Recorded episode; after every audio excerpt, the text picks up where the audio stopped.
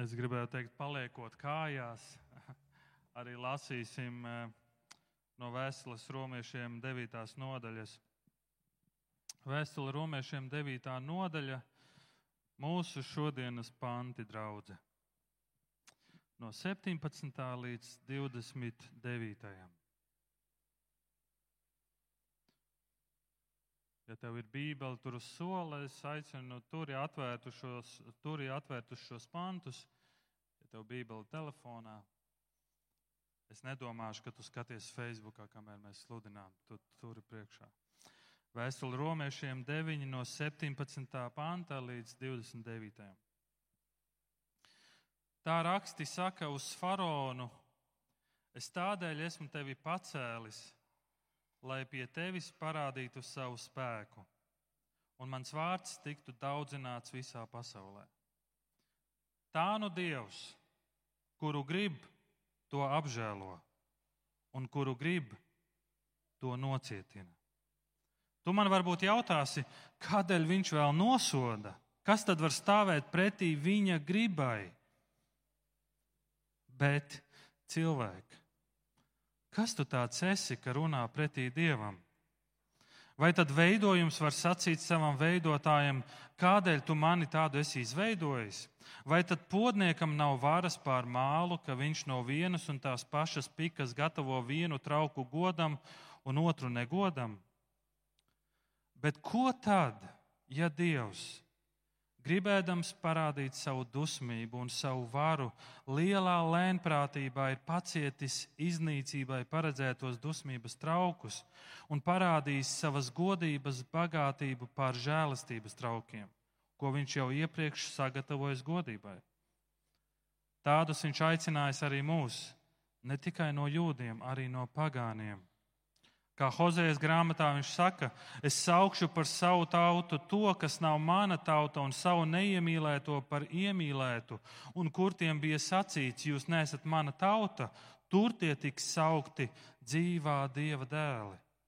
Bet Jēzeja par Izrēlu izsaucas, pat ja Izrēla dēlu skaits būs kā jūras smiltis, tikai pārpalikums izglābsies. Jo kungs to darīs šo vārdu piepildīdams un pasteidzinādams virs zemes, kā Jēzē to jau iepriekš pasludinājis. Ja pulku kungs nebūtu mums atstājis kādu sēklu, mēs būtu kļuvuši kā Sodoma un līdzinātos Gomorai. Lūksim Dievu!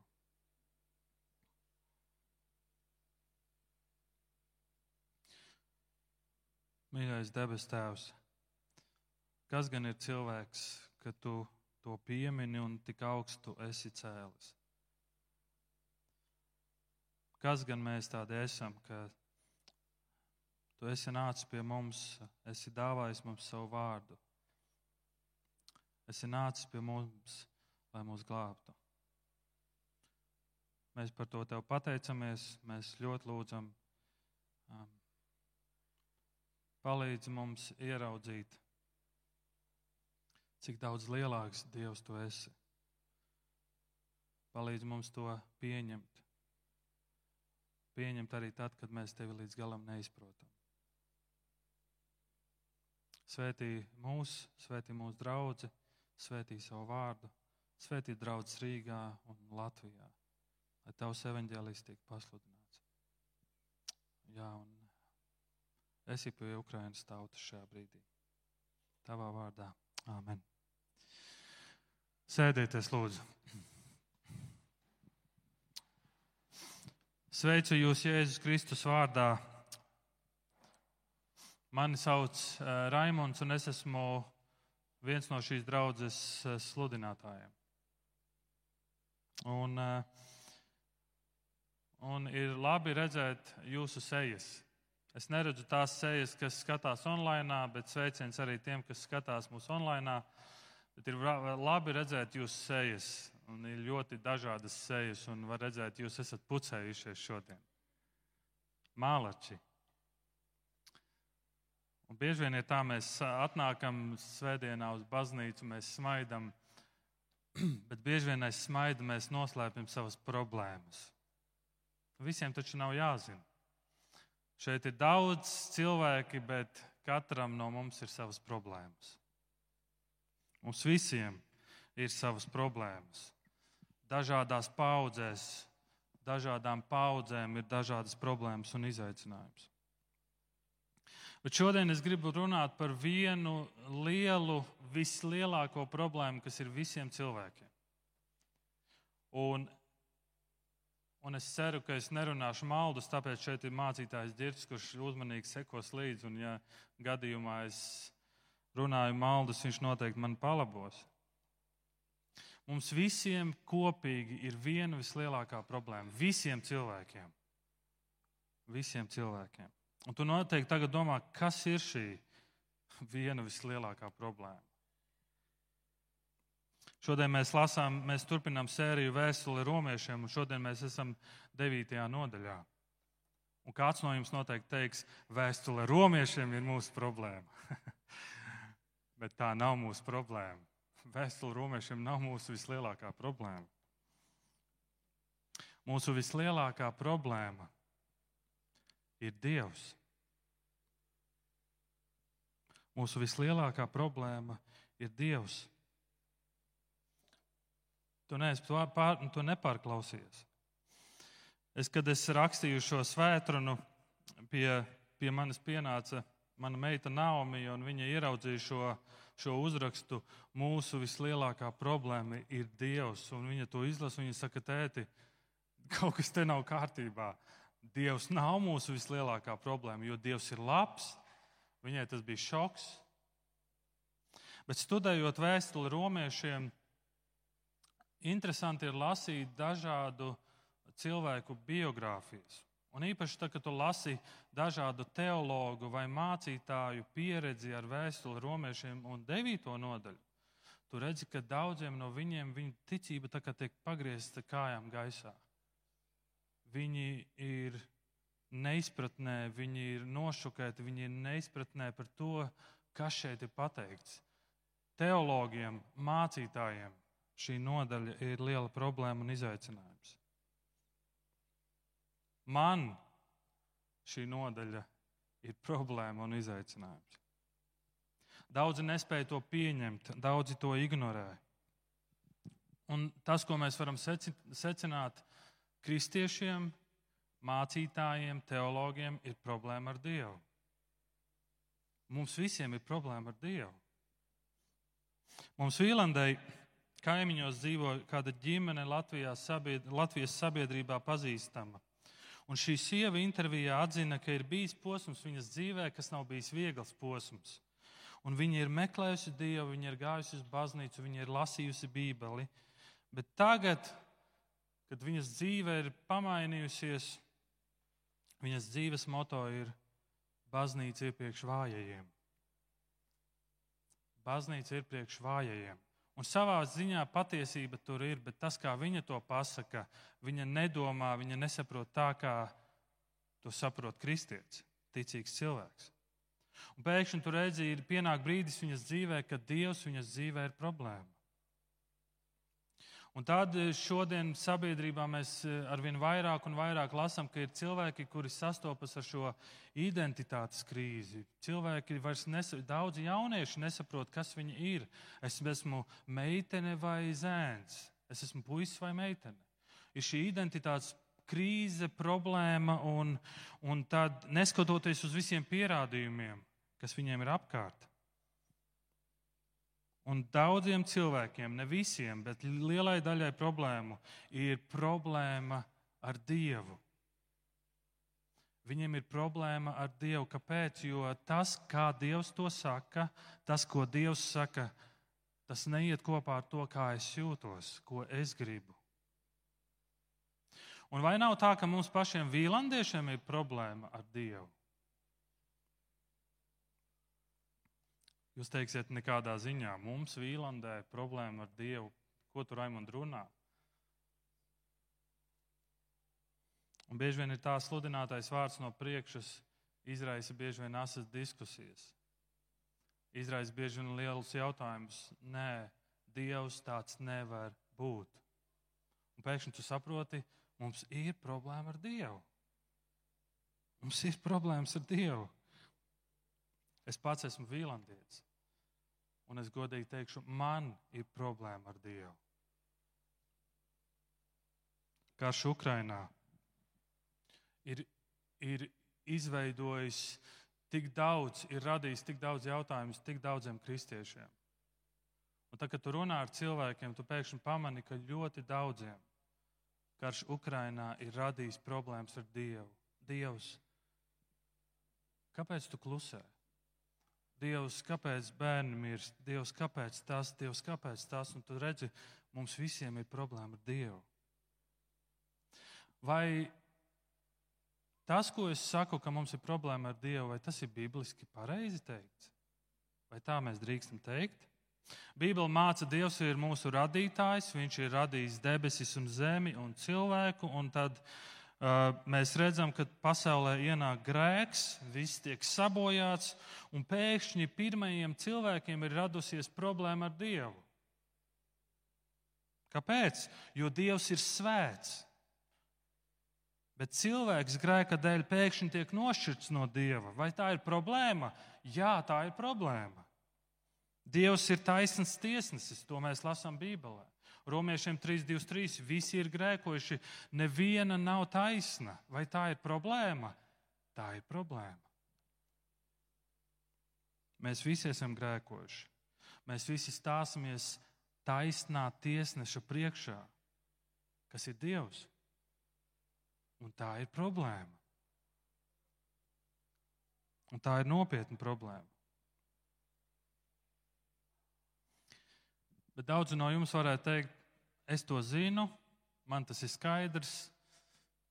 Nu, man nav sajūta, ka tā ir mana problēma.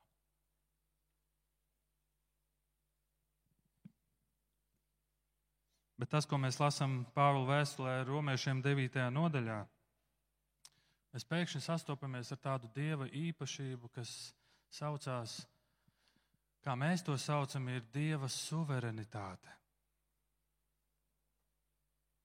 Dieva suverenitāte. Un lūk, šī ir visu cilvēku lielā problēma. Dievs ir absolūti suverēns, bet mēs nē. Dievs ir absolūti suverēns, bet es nē. Un šis, atvainojiet par izteicienu, daudziem sit korķus ārā. Ticīgiem un neticīgiem. Šī ir mūsu lielā problēma. Un tad, kad es saku suverēns, es domāju, tādā nozīmē, ko šis vārds arī nozīmē. Dievs ir neatkarīgs, brīvs savā izvēlēs, viņam pieder augstākā vara. Viņš ir tas, kurš visu nosaka. Viņam pieder sākuma un beigu vārds. Nekas nenotiek bez viņa ziņas. Kāpēc? Mums ir šie jautājumi, Dievs, kāpēc tu dari tā vai dari šādi? Kāpēc tu klusē šajā brīdī? Kāpēc tu nereaģē? Dievs, kur tu esi visi šie jautājumi? Un tad cilvēks sāk savā mazajā izpratnē par Dievu izsecina vienu lietu, un viņš saka, tādam Dievam es nevaru ticēt. Vai arī vēl krasāks rezultāts secinājums ir Dieva nav. Dieva nav. Tajā brīdī, kad es Dievu nespēju ielikt savā mazajā kastītē vai savā džina pudelītē, Dievs kļūst problēma manā dzīvē. Tāpēc, ka Viņš ir jau neizprotams, Dievs kļūst problēma manā dzīvē.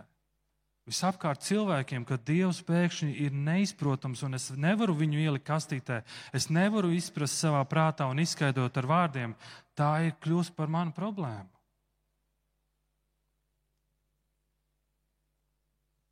Bet mēs taču lasām vēstuli romiešiem, kas cenšas, Pāvils cenšas mums palīdzēt to izskaidrot.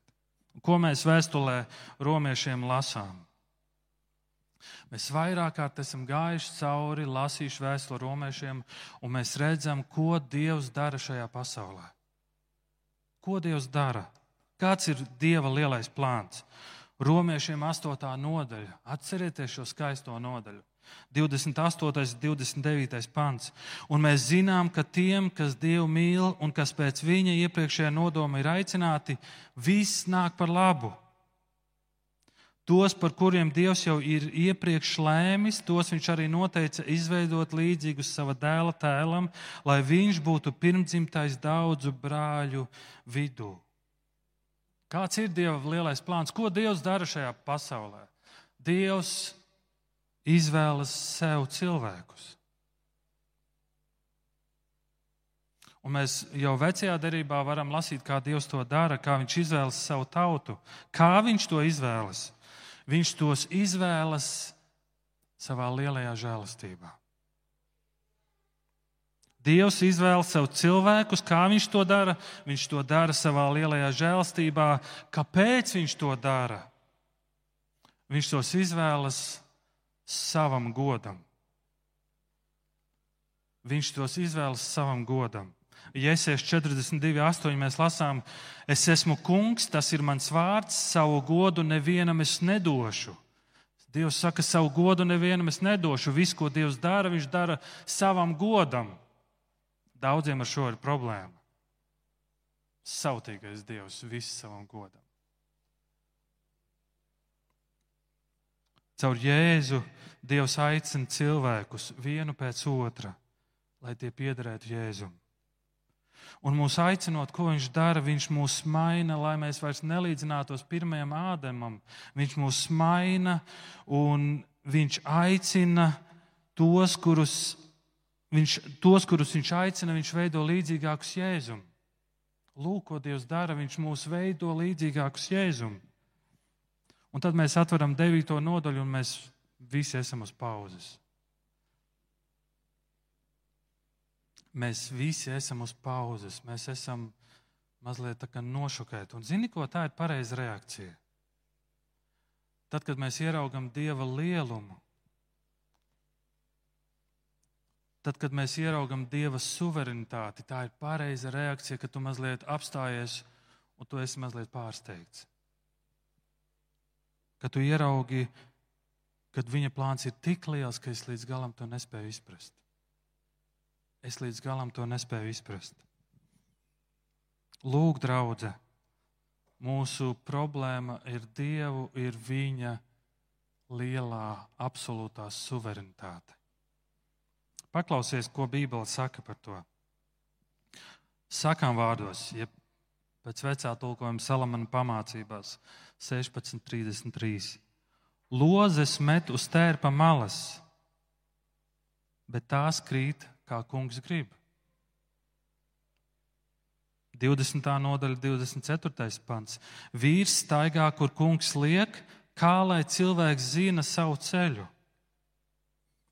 19. nodaļa, 21. pants. Cilvēka sirds pilna nolūkiem, bet tikai kunga nodoms piepildās. Un tad jēkaba 4. nodaļa, tik pazīstami panti, ko es zinu, daudzi Vīlandē lieto. Tad, nu redzi, jūs, kas sakāt, šodien vai rīt mēs dosimies uz tādu un tādu pilsētu, pavadīsim tur gadu, tirgosimies un gūsim peļņu. To sakāt jūs, kas nezināt, kas notiks rīt, kāda tad būs jūsu dzīve. Jūs esat dūmi, kas redzam īsu brīdi un tūlīt pat gaist. Tā vietā, lai jūs sacītu, ja kungs gribēs, tad dzīvosim un darīsim tā vai citādi. Tā vietā mēs sacīsim, ja tas kungs gribēs. Jo mēs nezinām. Apostoli darbi 13. nodaļa, 48. pants. Pagāni to dzirdot, priecājās un slavēja kunga vārdu.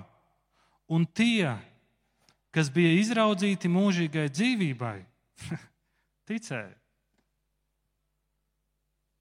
Lūk, Dieva suverenitāte. Efeziešiem 1.11. Viņā arī mēs pēc Dieva sākotnējā nodoma kļuvām par īpašumu Dievam, kas visas lietas dara pēc savas gribas lēmuma. Lūk, Dieva suverenitāte.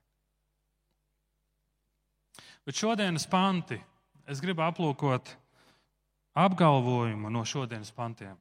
Apgalvojums, lielais jautājums, ko visi uzdod un tad arī atbilde. Un lūk, Pāvils 17. pantā, 17. un 18. pants, viņš saka apgalvojumu.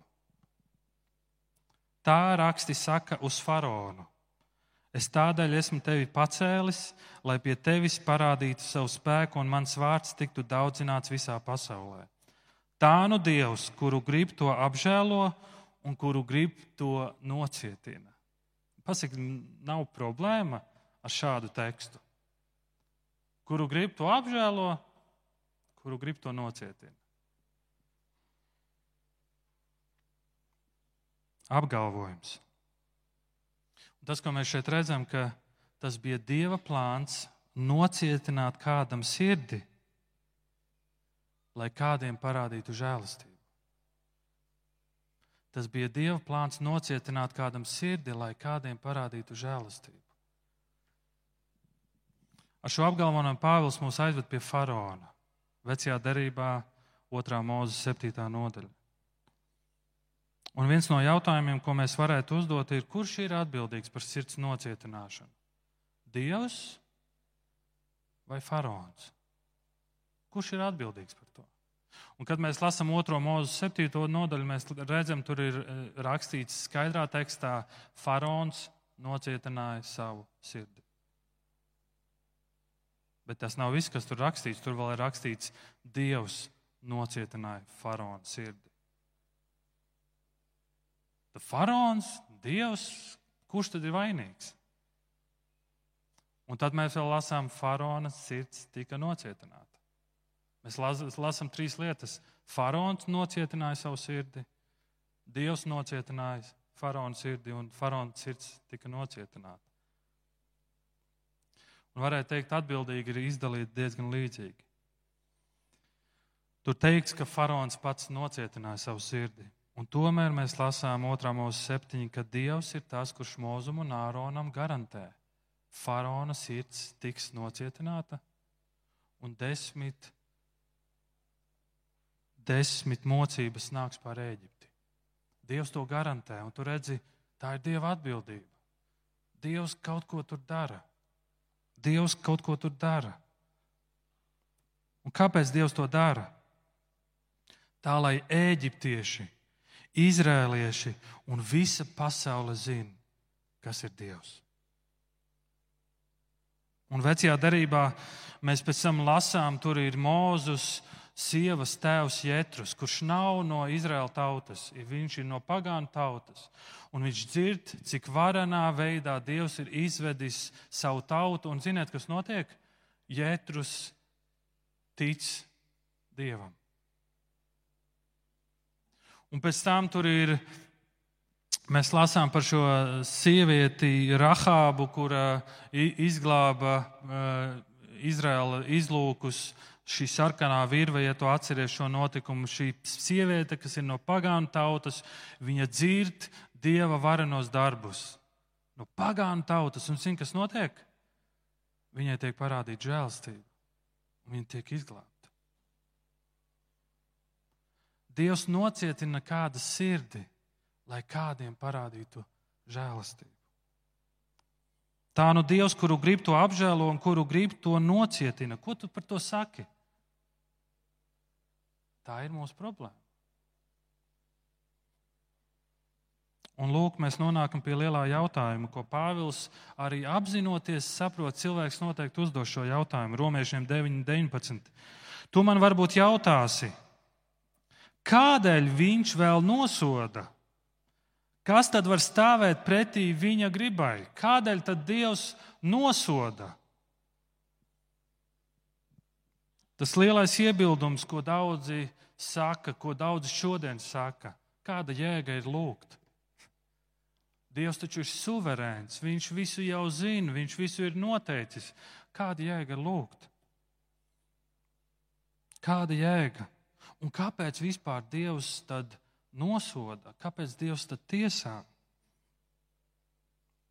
Un tad es esmu dzirdējis, ka cilvēki bieži vien saka, es nokļūšu debesīs.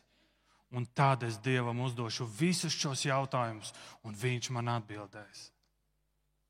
Man ir sakrājušies daudz jautājumu, un Dievs man noteikti atbildēs uz visiem maniem jautājumiem.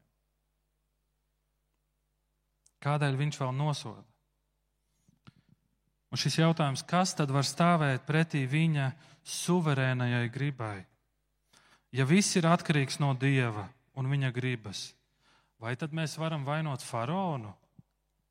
Vai mēs varam vainot Ēzavu, vai mēs varam vainot Izraēlu tautu, vai mēs varam vainot Jūdu, kurš nodeva Jēzu, vai mēs varam vainot Pilātu, vai mēs varam vainot Hitleru, vai mēs varam vainot Putinu?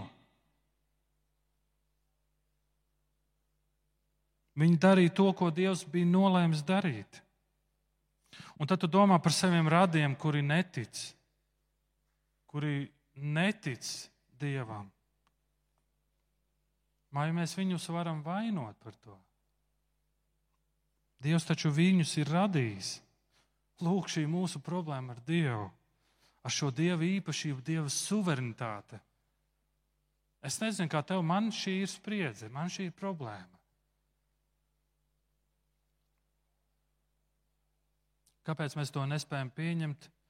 Jo tas neiet kopā ar to, kā die, es esmu Dievu uztvēris un izpratis.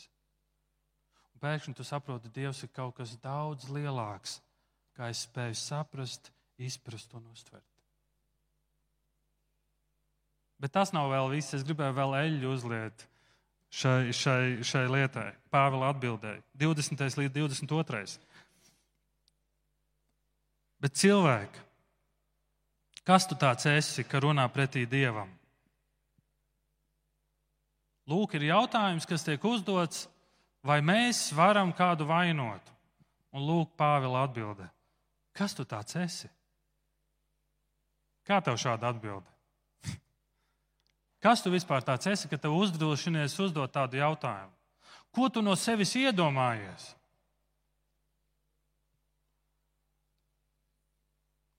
Vai tad veidojums var sacīt savam veidotājam, kādēļ tu mani tādu esi izveidojis? Vai tad podniekam nav varas pār mālu, ka viņš no vienas un tās pašas pikas gatavo vienu trauku godam un otru negodam? Kā tev šāda atbilde patīk? tad māja galva saka, man nepatīk. Kas tā vispār par atbildi? Un lūk, Pāvila atbilde cilvēki. Kas tu tāds esi, ka runā pretī Dievam? Āmen bija labs dievkalpojums. Šeit es varētu beigt.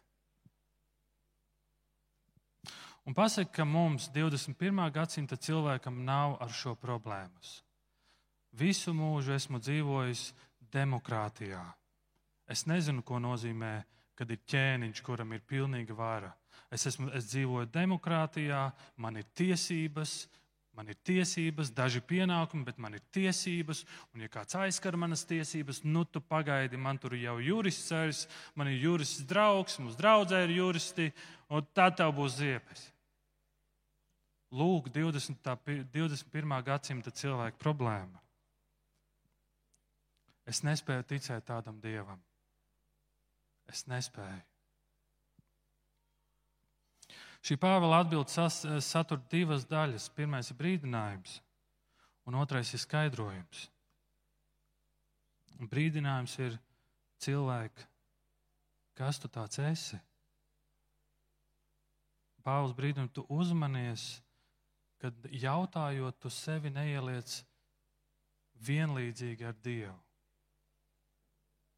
Vai jautājot, mēs Jautājot šādu jautājumu, mēs neieliekam vienlīdzībā ar Dievu un sakam, Dievs tagad ir tiesā, mēs ieliekam viņu šajā notiesātā krēslā un mēs tagad viņu izjautāsim.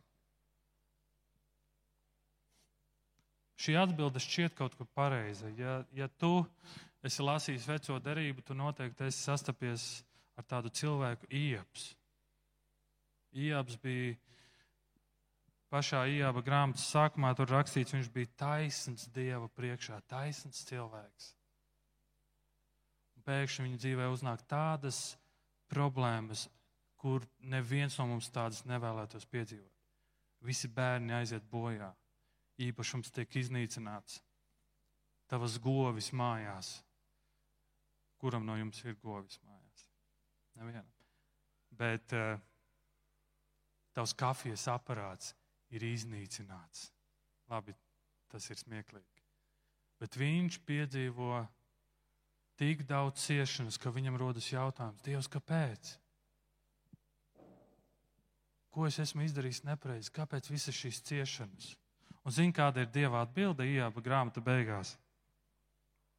38. nodaļa, sākot ar 4. pantu, Dievs dod viņam atbildi. Es nolasīšu vienu pantu. Kur tu biji, kad es liku pamatus zemē? Pastāstīja to zini. Un tad Dievs viņam rāda radību, viņam rāda dzīvniekus, briesmoņus, ko viņš ir radījis, tad viņam rāda planētas un zvaigznes un saka, vai tu biji klāt un tu devi man padomu? Un viss, tā ir visa Dieva atbilde Ījābam. Kur tu biji, kad es visu radīju? Vai tu spēj saprast mazliet no tā, ko es esmu radījis?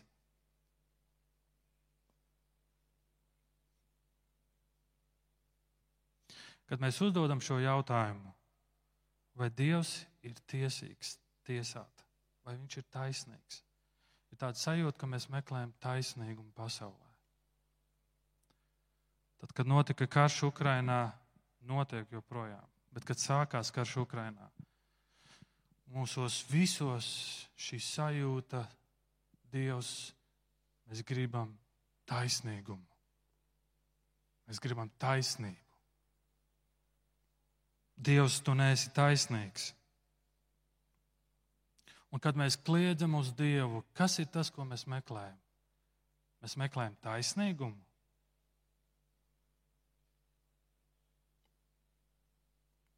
Bet, kā jau sākumā minēju, Vēstule romiešiem mums rāda, die, ko Dievs dara šajā pasaulē. Viņš, izvē, viņš izvēlas ļaudis, Viņš aicina. Tu nevari izvēlēties Dievam bērnus, Dieva ģimenei. Mēs to nespējam.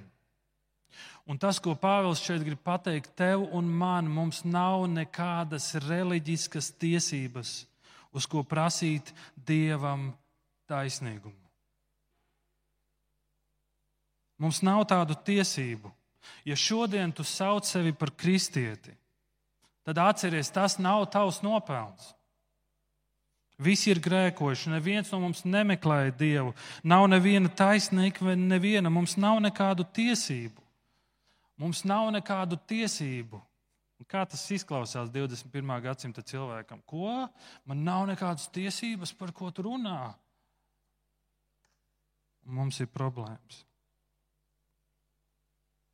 Un tad Pāvils dod skaidrojumu. Un tad viņš saka 23. pantā, 22. Bet ko tad? Bet, ja nu, bet ko tad, ja Dievs gribēdams parādīt savu dusmību un savu vāru, lielā lēnprātībā ir pacietis iznīcībai paredzētos dusmības traukus, un parādīs savas godības bagātību par žēlstības traukiem. Daudz vārdi sarežģīti, bet tas, ko Dievs saka, Pāvils saka, ir, bet ko tad? Ja Dievam visā šajā ir plāns, Dieva suverenitāte, Dievs ir suverēns, bet viņam ir plāns. Vai tu zini, ar ko sākas Dieva plāns? Pirmie cilvēki, kad viņi krita grēkā. Vai tu zini, ar ko sākās Dieva plāns? Tas sākās ar Dieva žēlastību. Tas sākās ar žēlastību. Mīļie, mums nevajag taisnīgumu, mums vajag žēlastību.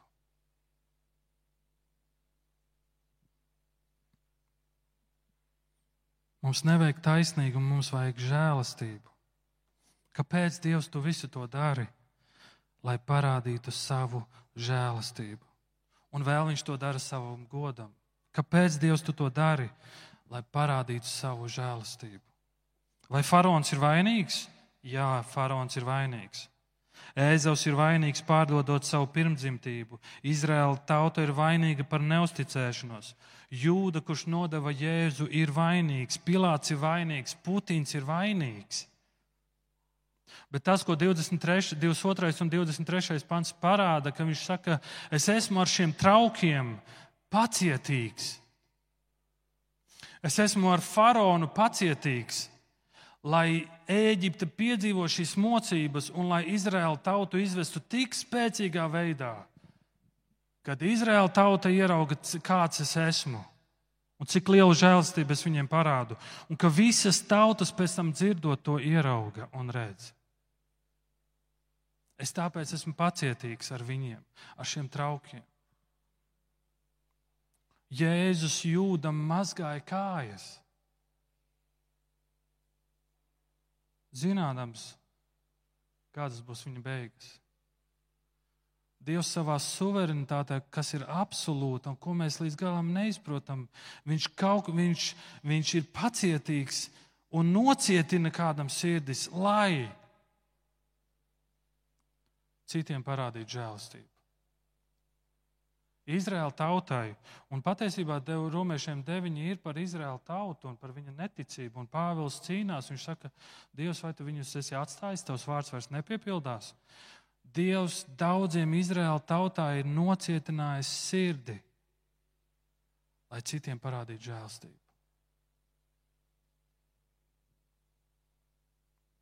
Kad es lasu vēstuli romiešiem, reizēm ir tāda sajūta, ka Pāvils ir, ka Dievs ir nosodītā krēslā, un viņam tagad jāatbild, un Pāvils ir tāds kā advokāts. Un viņš paņem, viņš paņem tur līgumu, un viņš saka Izraēla tautai, viņš saka, bet redziet, tur 32. punkts, B daļa, 33. pamata, tur apakšpunkts un tā tālāk, vai ne? Tur Dievs nav teicis, ka viņš visus izglābs. Varētu likties, ka Pāvils ir tāds kā advokāts, kurš mēģina aizstāvēt Dievu, bet tā nav. Patiesībā Pāvils ir šajā krēslā. Tas, ko Pāvils saka, bet Dievs, bet Dievs, bet Dievs.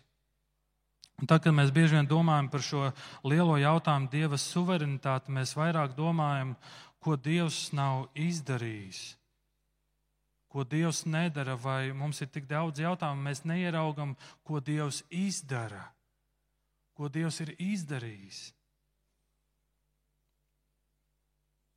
Kad mēs apsūdzam Dievu, mēs cilvēks sevi noliek vienā līmenī ar Dievu, un tā jau ir problēma. Cilvēks sevi noliek vienā līmenī ar Dievu.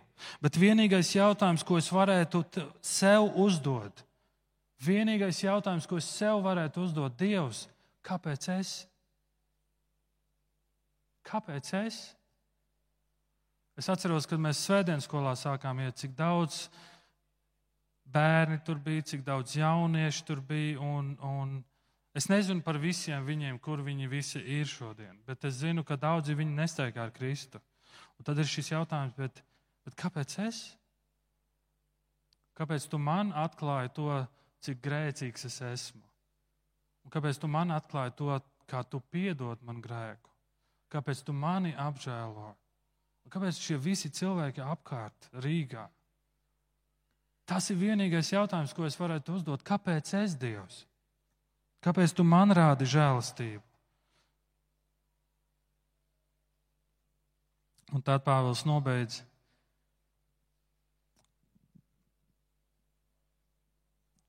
Ar šo piemēru no Hozejas grāmatas un arī no Jēzus grāmatas.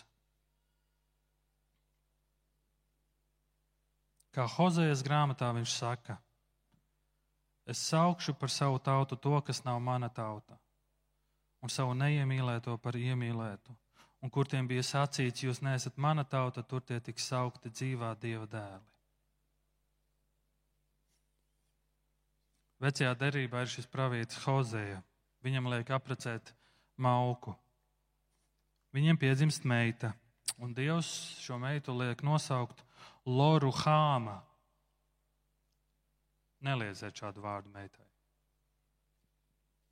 Loru Hāma, un no ebreju valodas šis vārds nozīmē neapžēlotā. Un Dievs to Hozēm liek darīt ar nodomu. Un pēc tam Hozēm piedzimst dēls, un tā vārdu Dievs liek nosaukt Loamī, no ebreju valodas nozīmē ne mana tauta. Hozē ir pravietis, un Dievs to liek viņam darīt, lai nodotu skaidru vēsti Izraēla tautai. Un tagad Pāvils Romiešiem 9, 25 līdz 26 saka, es saukšu par savu tautu to, kas nav mana tauta, un savu neiemīlēto par iemīlētu, un kur tiem bija sacīts, jūs neesat mana tauta, tur tie tiks saukti dzīvā Dieva dēli. Dievs kādiem nocietina sirdi, lai kādiem parādītu žēlastību. Vai tu spēj izprast to līdz galam? Es nē.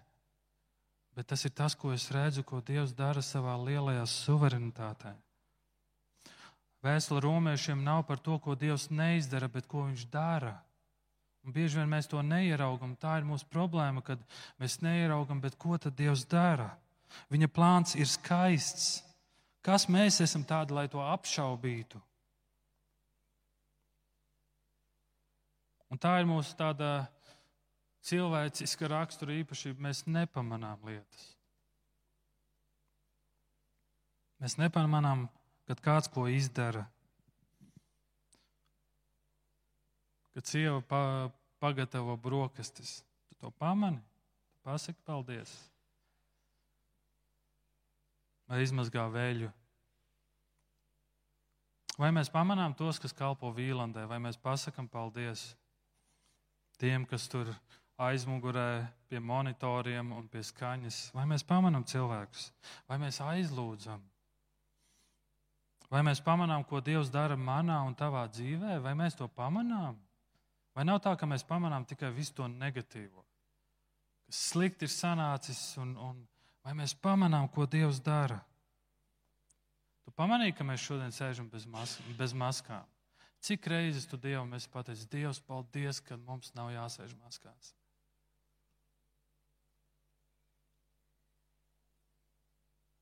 Cilvēka vislielākā problēma ir Dievs, kurš ir suverēns.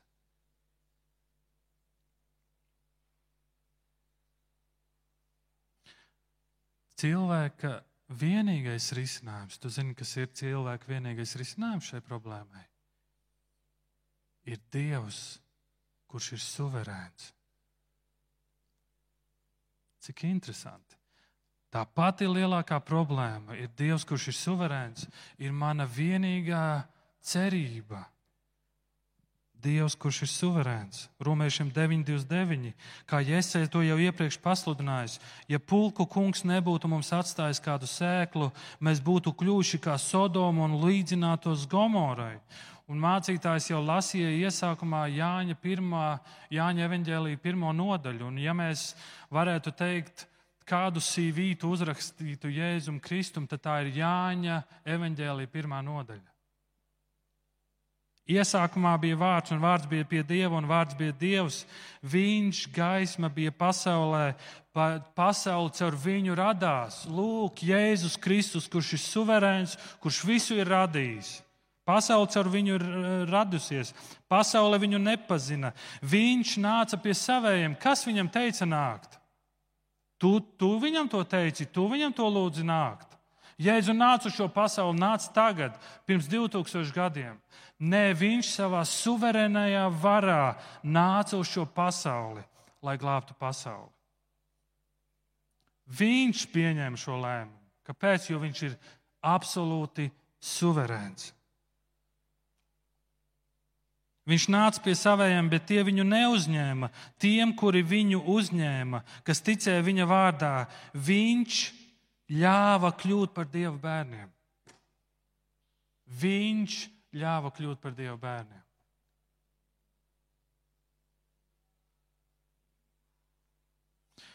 Kāpēc mēs runājam par Dieva suverenitāti? Tas nav tāpēc, lai mēs, lai mēs noliektu cilvēka atbildību Mums jārunā par Dieva suverenitāti, par viņa žēlastību, lai mēs izceltu to, kas viņš ir un ko viņš dara. Lai mēs izceltu to, kas viņš ir un ko viņš dara.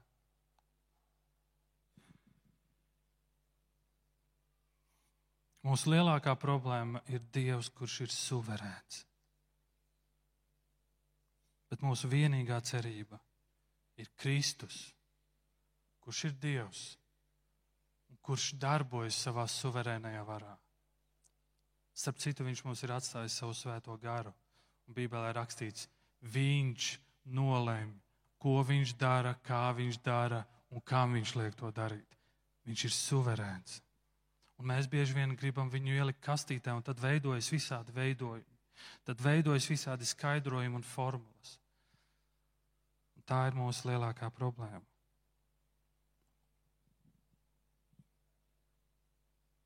Čārls Spērģents saka šādus vārdus. Dieva suverenitāte ir kā maigs spilvens, uz kura tu gulsties naktī. Tā ir skaista patiesība ne tikai tāpēc, ka Dievs visu kontrolē, bet visas lietas dara tā, labās un sliktās, ka viss mums nāk par labu un savam godam.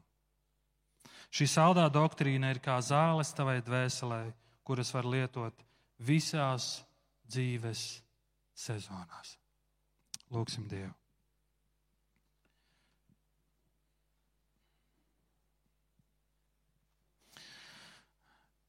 Ja es Kristu, paldies Tev par šodienas vārdu. Paldies, ka tas ir kā apus griezīgs zobens. Paldies par Bībeli. Paldies par to, ka Tu mūs aicini iedzināties Tavos vārdos. Un es Tev pateicos par to, ka Tu esi Dievs, Tu esi savā vietā un Tu esi nemainīgs. Un lai arī es visas lietas neizprotu, Dievs, kā tu rīkojies un ko tu dari, es gribu šodien pateikties par tavu žēlastību. Un es ļoti lūdzu, kad mēs satveram un ieraugam tavā suverenitātē tavu lielo žēlastību. Un ka šī žēlastība, ko mēs ieraugam, palīdz mums citiem rādīt žēlastību jo tu esi žēlastības Dievs. Mums nevajag taisnīgumu, mums vajag žēlastību. Un tāpēc Dievs vienīgā mūsu atbildes reakcija uz tevi, uz tavu lielo suverenitāti ir Dievs, esi man grēciniekam žēlīgs. Man vajag tavu žēlastību. Piedod tu man, piedod manus grēkus, piedod manu lepnumu, kad es esmu stājies tev pretī un tevi centies ielikt kastītē, bet tu neesi ieliekams kastītē. Tu esi daudz lielāks, un paldies tev par to. Svētī mūs kā vīlāns draugs, svētī draugs Rīgā, Latvijā. Jā, Tēvs, un viss, kas notiek Ukrajinā, mēs līdz galam neizprotam. Bet mēs zinām, ka viss, ko tu dari, viss, ko tu dari, tu zini, ko tu dari. Tas nāk par labu tiem, kas tevi mīl un tev uzticās. Tev lai gods un slava.